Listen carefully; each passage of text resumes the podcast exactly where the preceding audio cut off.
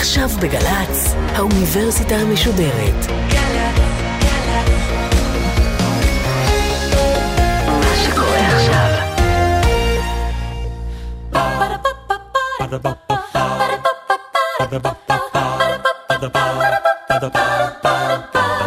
האוניברסיטה המשודרת מציגה מסע סביב רעיון, והסמסטר בחירה, והפעם להיות או לא להיות. הדוקטור ערן דורפמן מאוניברסיטת תל אביב על הבחירה בחיים בראי הספרות. עורכת ראשית מאיה גאייר. שלום, שמי ערן דורפמן, אני מלמד אה, ספרות באוניברסיטת תל אביב, ואני אתחיל את ההרצאה בציטוט. בעיה פילוסופית רצינית באמת יש רק אחת, ההתאבדות. במילים אלה פותח אלבר קאמי את חיבורו המיתוס של סיזיפוס מ-1942. בעיה פילוסופית רצינית באמת יש רק אחת, ההתאבדות. אני אלך אם כך לדבר היום על שאלת הבחירה וההתאבדות, או יותר נכון, על מה ההתאבדות יכולה ללמד אותנו על בחירה. האם ניתן לבחור בהתאבדות או במשהו אחר. 340 שנים לפני אלבר קאמי, 340 שנים לפני המיתוס של סיזיפוס, ניסח גיבור אחר, המלט, גיבורו של שייקספיר, את השאלה המפורסמת שכל אחד מכיר, להיות או לא להיות. To be or not to be, that is the question. Whether 'tis nobler in the mind to suffer the slings and arrows of outrageous fortune. להיות או לא להיות זה גם לחיות או למות, או לחיות או להתאבד. שאלת ההתאבדות העסיקה את האנושות עוד הרבה לפני המלט, מערש לידתה. ולמה בעצם שאלת ההתאבדות העסיקה כל כך את האנושות? אדם הוא היצור היחיד, אפשר לומר, כל כמה שאנחנו יודעים, שמודע לכך שהוא ימות ביום מן הימים, אבל הוא גם יותר מזה היצור היחיד שיכול לבחור במוות שלו בטרם עת, שהוא יכול לבחור לחיות או לא לחיות, להיות או לא להיות. ולכן הבחירה בהתאבדות היא הבחירה אולי הכי גורלית, הכי משמעותית שאדם יכול לבחור. אנחנו בדרך כלל לא בוחרים בהתאבדות, ואנחנו בדרך כלל גם לא חושבים על זה, ועדיין זאת שאלה פילוסופית, כמו שאומר אלבר קאמי, מאוד מאוד משמעותית. כי זאת הבחירה הכי קיצונית, הכי רדיקלית, הכי משמעותית, הכי גורלית שאנחנו יכולים לעשות בחיים שלנו.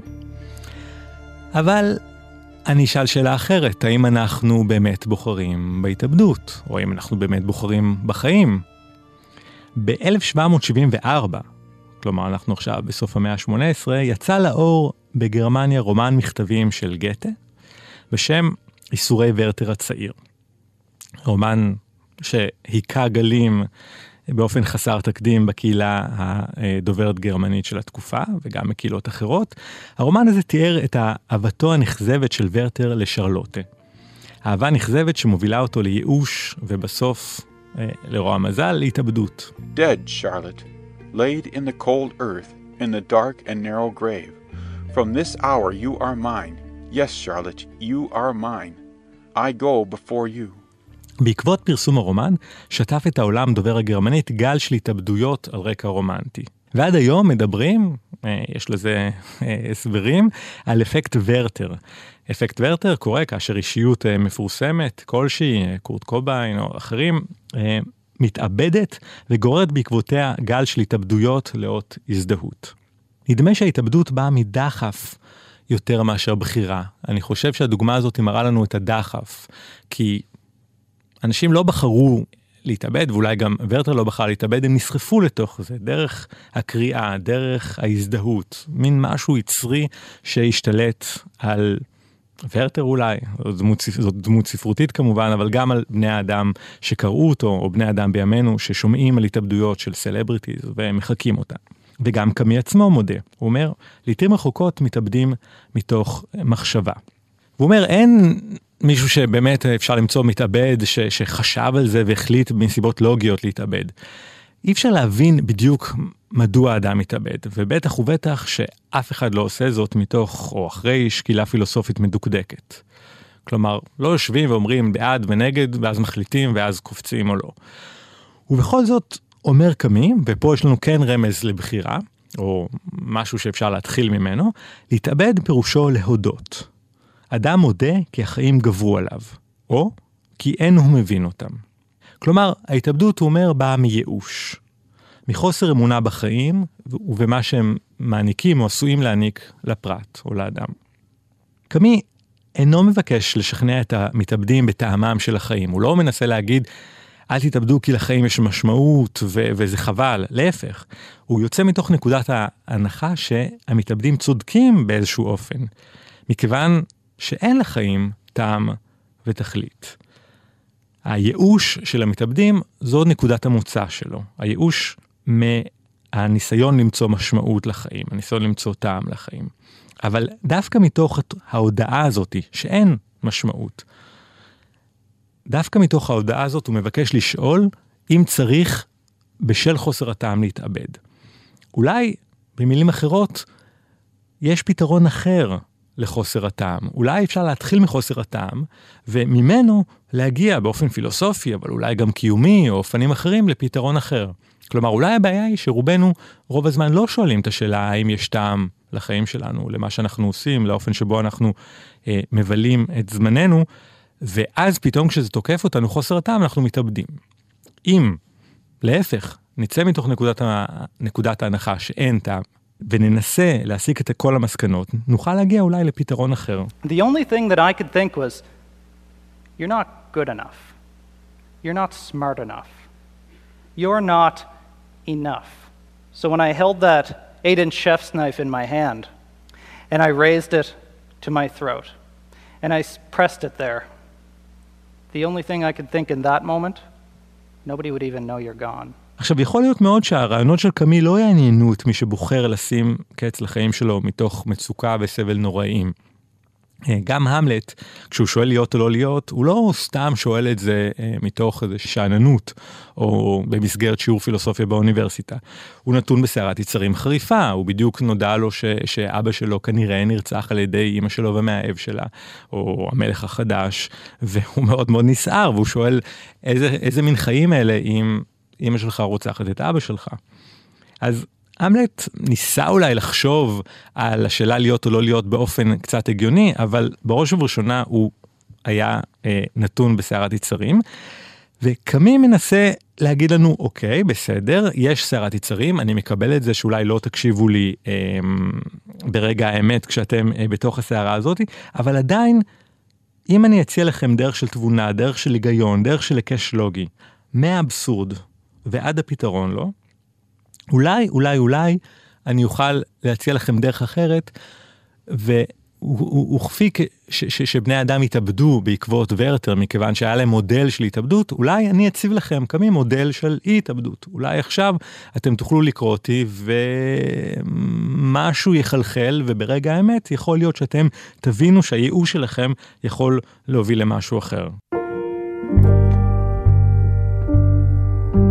אז קודם כל, השם של הספר שממנו ציטטתי אה, מקודם אה, נקרא המיתוס של סיזיפוס, והוא בא כמובן מהדמות המפורסמת של סיזיפוס, שנידונה על ידי האלים, סיזיפוס נידון על ידי האלים לגלגל בלי הרף גוש סלע אל ראש ההר.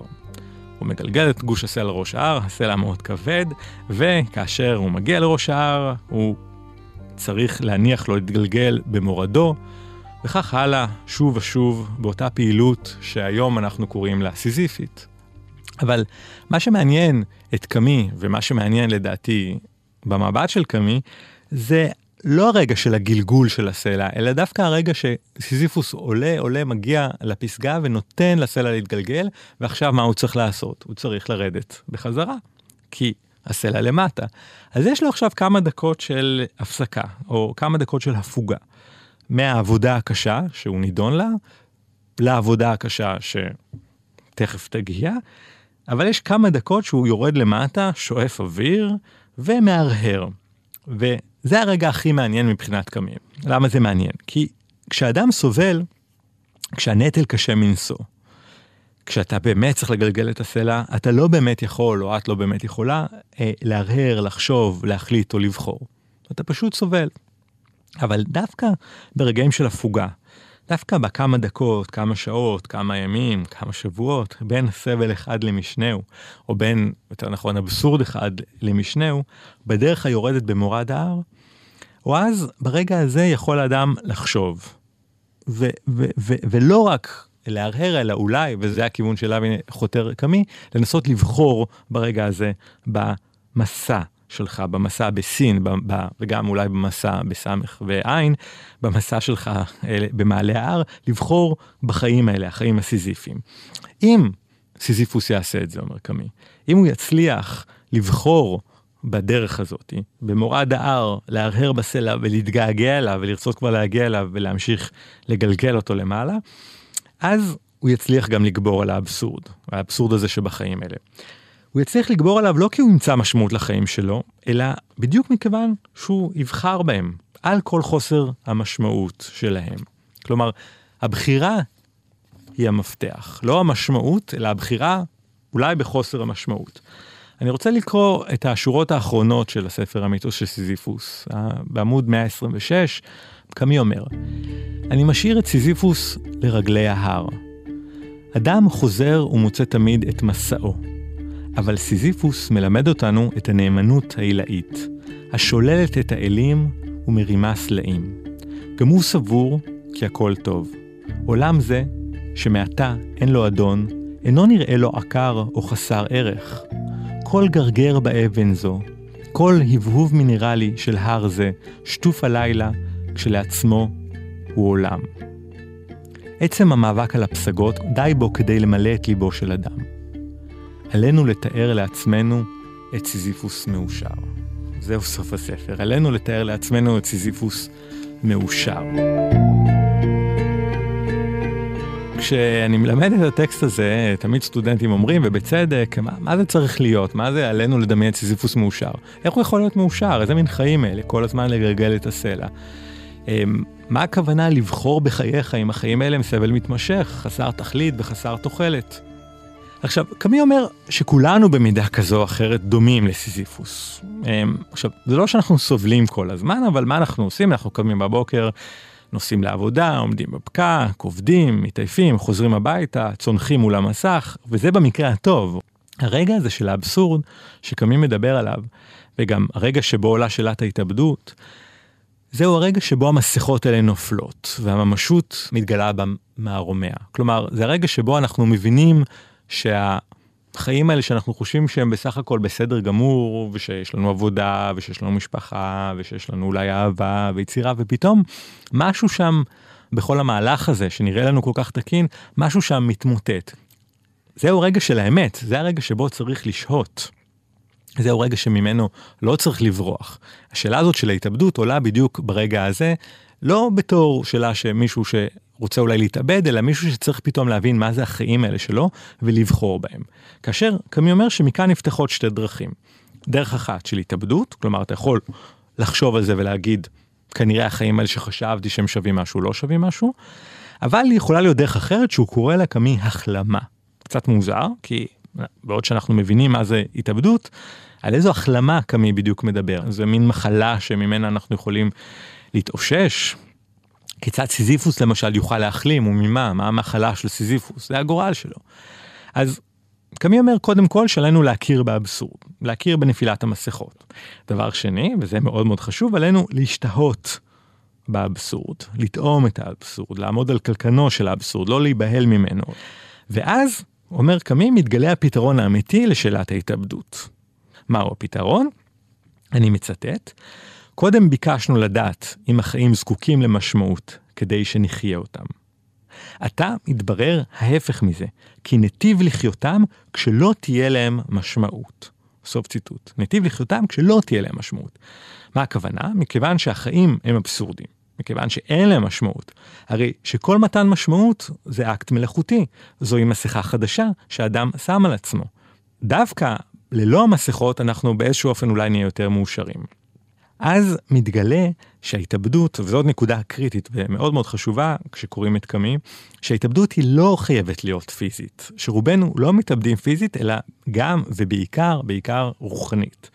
לפי קמי כל פנייה לאלוהים, לדת, למדינה, לערכים נצחיים כלשהם, המשפחה, כל הדברים האלה שאנחנו נדבקים עליהם בתור ערכים נצחיים ומובנים מאליהם, זוהי בדיוק בעיני קמי הבריחה מהאבסורד.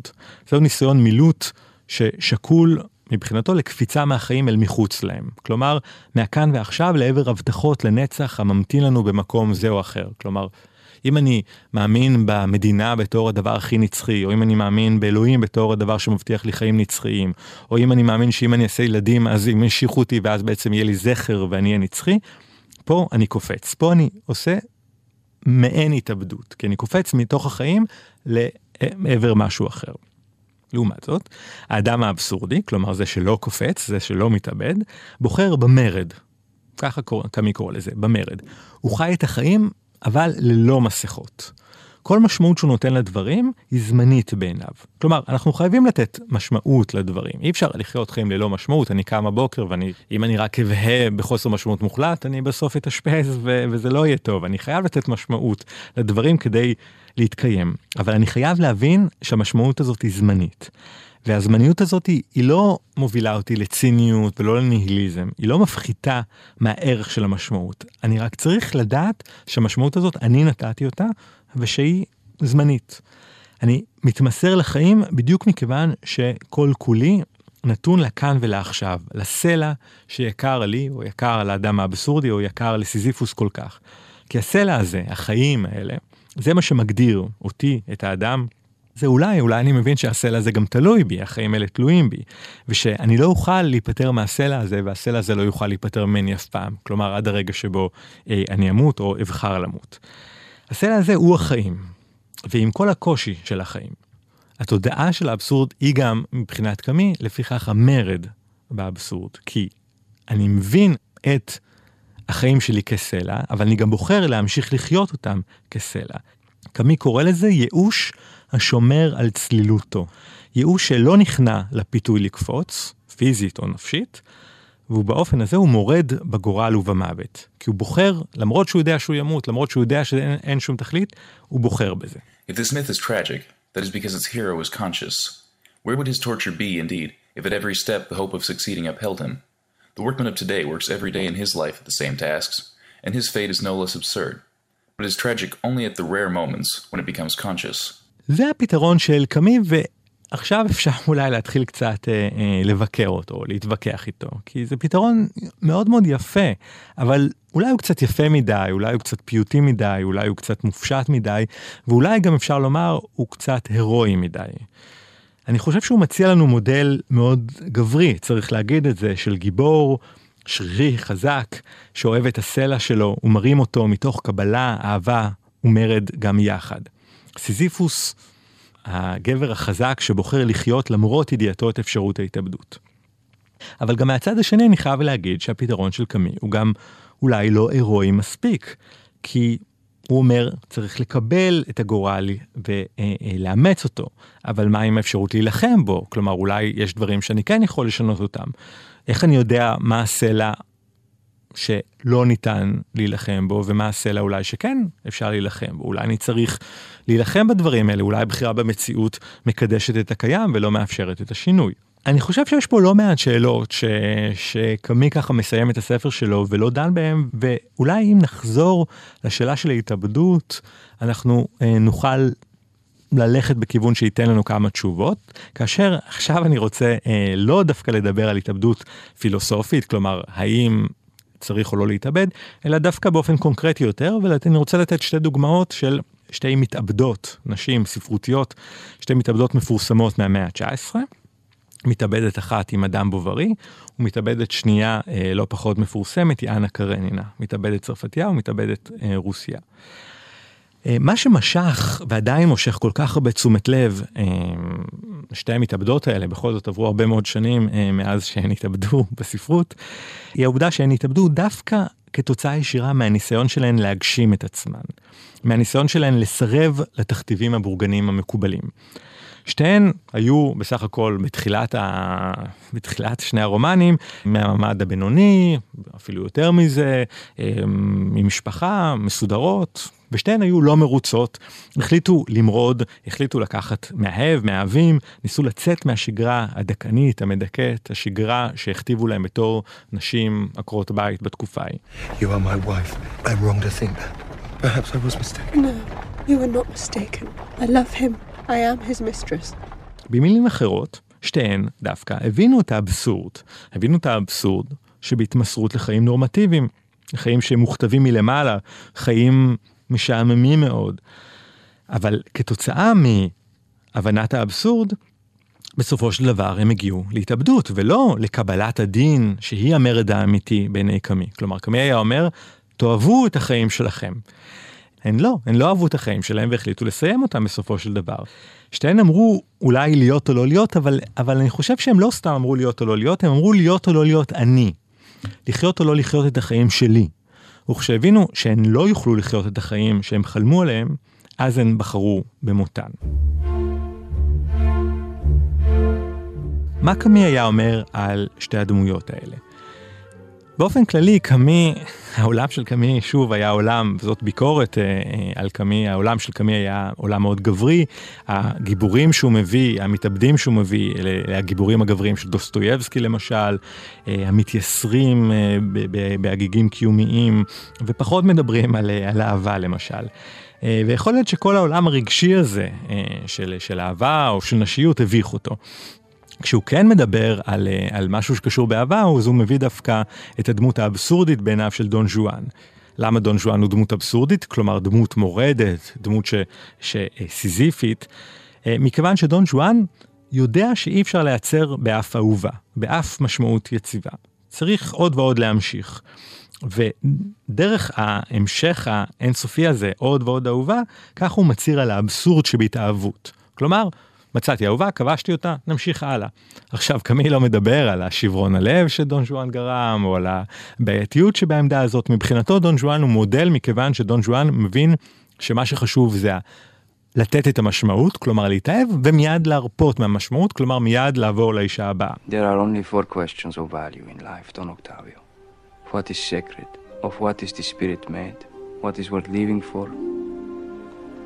And what is worth dying for?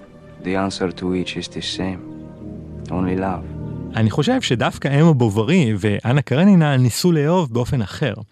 הם קודם כל ניסו כן להתמסר לגבר שמבחינתן הוא אה, הגבר שיבטיח להם אושר, גבר שייתן להם אולי אפשרות להרפתקה, לחופש, חריגה מהמציאות. ושתיהן בסופו של דבר חיו בחברה שלא יכלה לקבל את המרד הזה שלהן, ולכן החברה אולי הביאה אותן לקיצן. הם לא בדיוק בחרו להתאבד, אלא נאלצו להתאבד.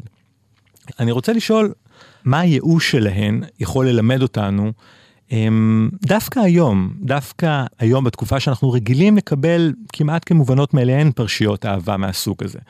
אני חושב שאנחנו דומים, גברים ונשים כאחד, היום יותר מתמיד לאמה בוברי ואנה קרנינה, יותר מאשר לסיזיפוס או לדון ז'ואן. שתיהן קפצו מהחיים שלהם, מהחיים האבסורדים שלהם לעבר פרשיות אהבה, הבינו את הכישלון והתאבדו, ואני חושב שאנחנו יותר מתמיד נמצאים בתובנה הזאתי שאי אפשר לקפוץ, שאי אפשר באמת למצוא איזושהי פרשיית אהבה או איזושהי הרפתקה שתפתור אה, את כל הבעיות. עכשיו, אנה קרנינה ומדאם בוברי מספרות לנו שתיהן סיפור של פנטזיה, של הרפתקה, משהו מאוד מאוד שערורייתי, ולדוגמה ב-1856, כש, כשמדאם בוברי יצא, פלובר אה, נאלץ לעמוד למשפט אה, בשל אי מוסריות.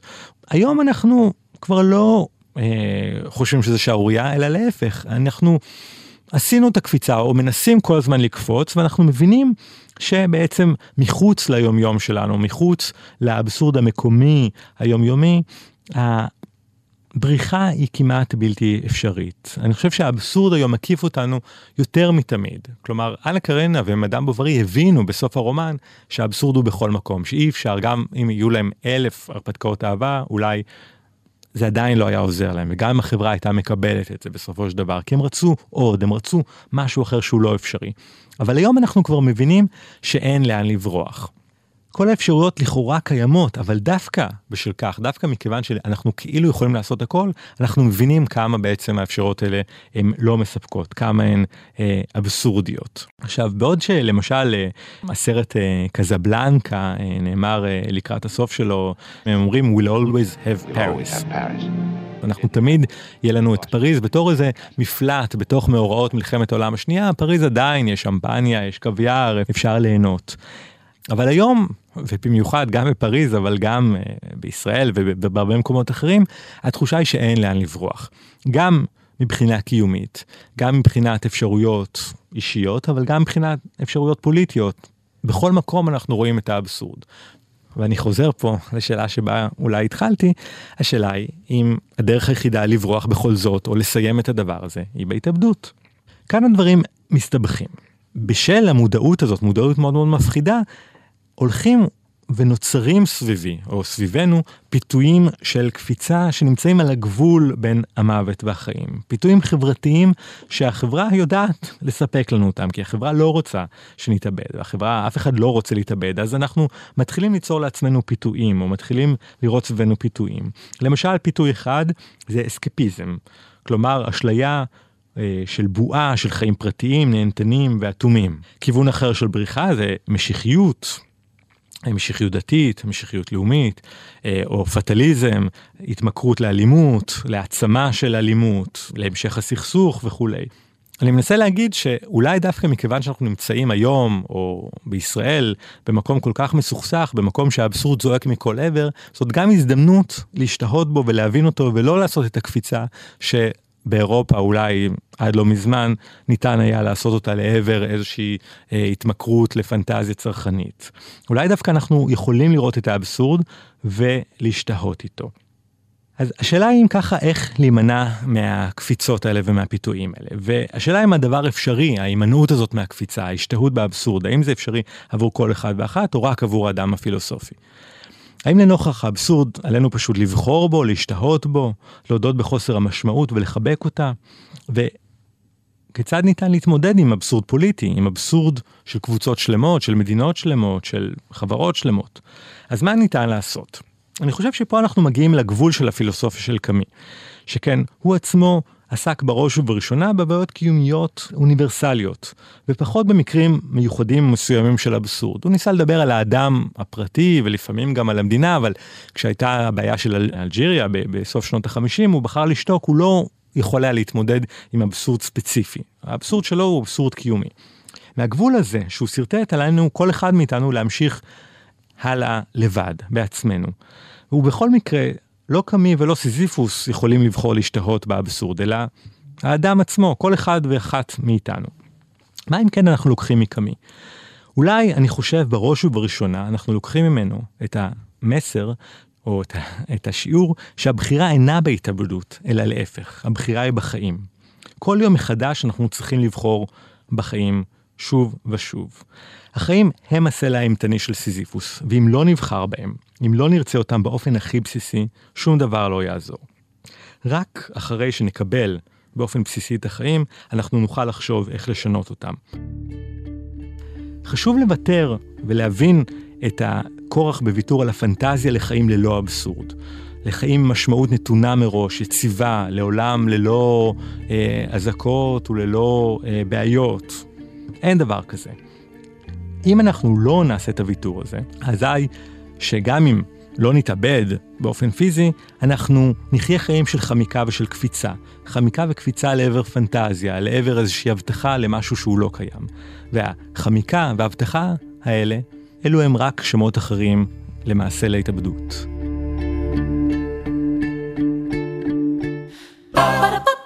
Ba-da-ba-ba-ba